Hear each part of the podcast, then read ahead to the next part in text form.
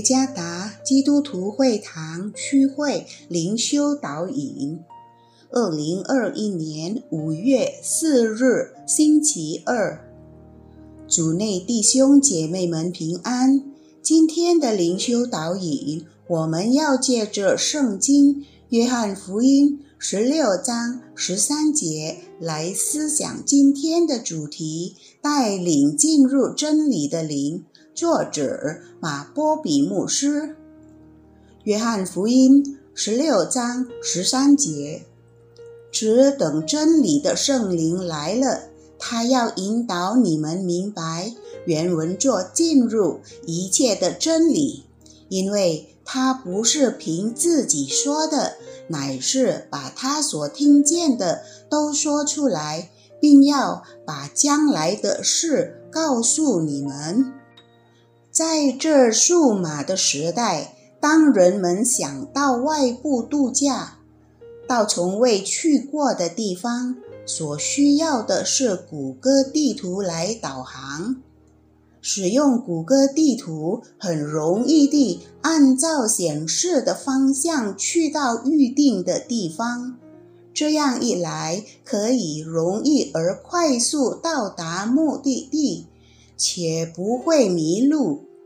耶稣基督差圣灵来到世上，为要他来带领和导引信徒走人生的道路，以及实现上帝的呼召，使信徒们虽遇到许多难关和障碍的阻挡，也不致迷路。圣灵的工作写在这段经文中。只等真理的圣灵来了，他要引导你们明白原文作进入一切的真理，因为他不是凭自己说的，乃是把他所听见的都说出来，并要把将来的事告诉你们。圣灵并不单是患难中的帮助。但他也带领我们进入完全的真理。所谓的真理是神的道。参看约翰福音第八章三十一到三十二节。透过正确的明白上帝的道，将会帮助我们远离罪恶。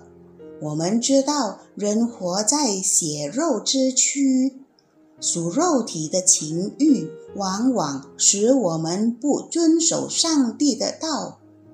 然而，感谢主的爱，他差了圣灵来带领我们，每时刻记住他的道，使我们的思想常常警醒和聚焦于上帝，在带领我们进入上帝真理的道上。圣灵扮演重要的角色。人生道路上，我们面临许多挑战，包括跟随主耶稣在内，二者、世界、肉体的诱惑和试探，不断地引诱我们从道享受最终之乐的同时，我们继续不断与救主同行。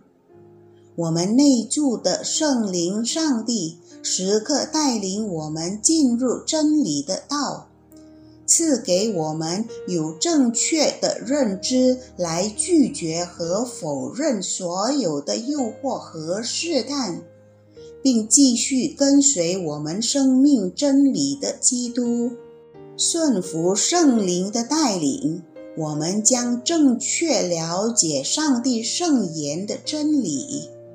主耶稣赐福。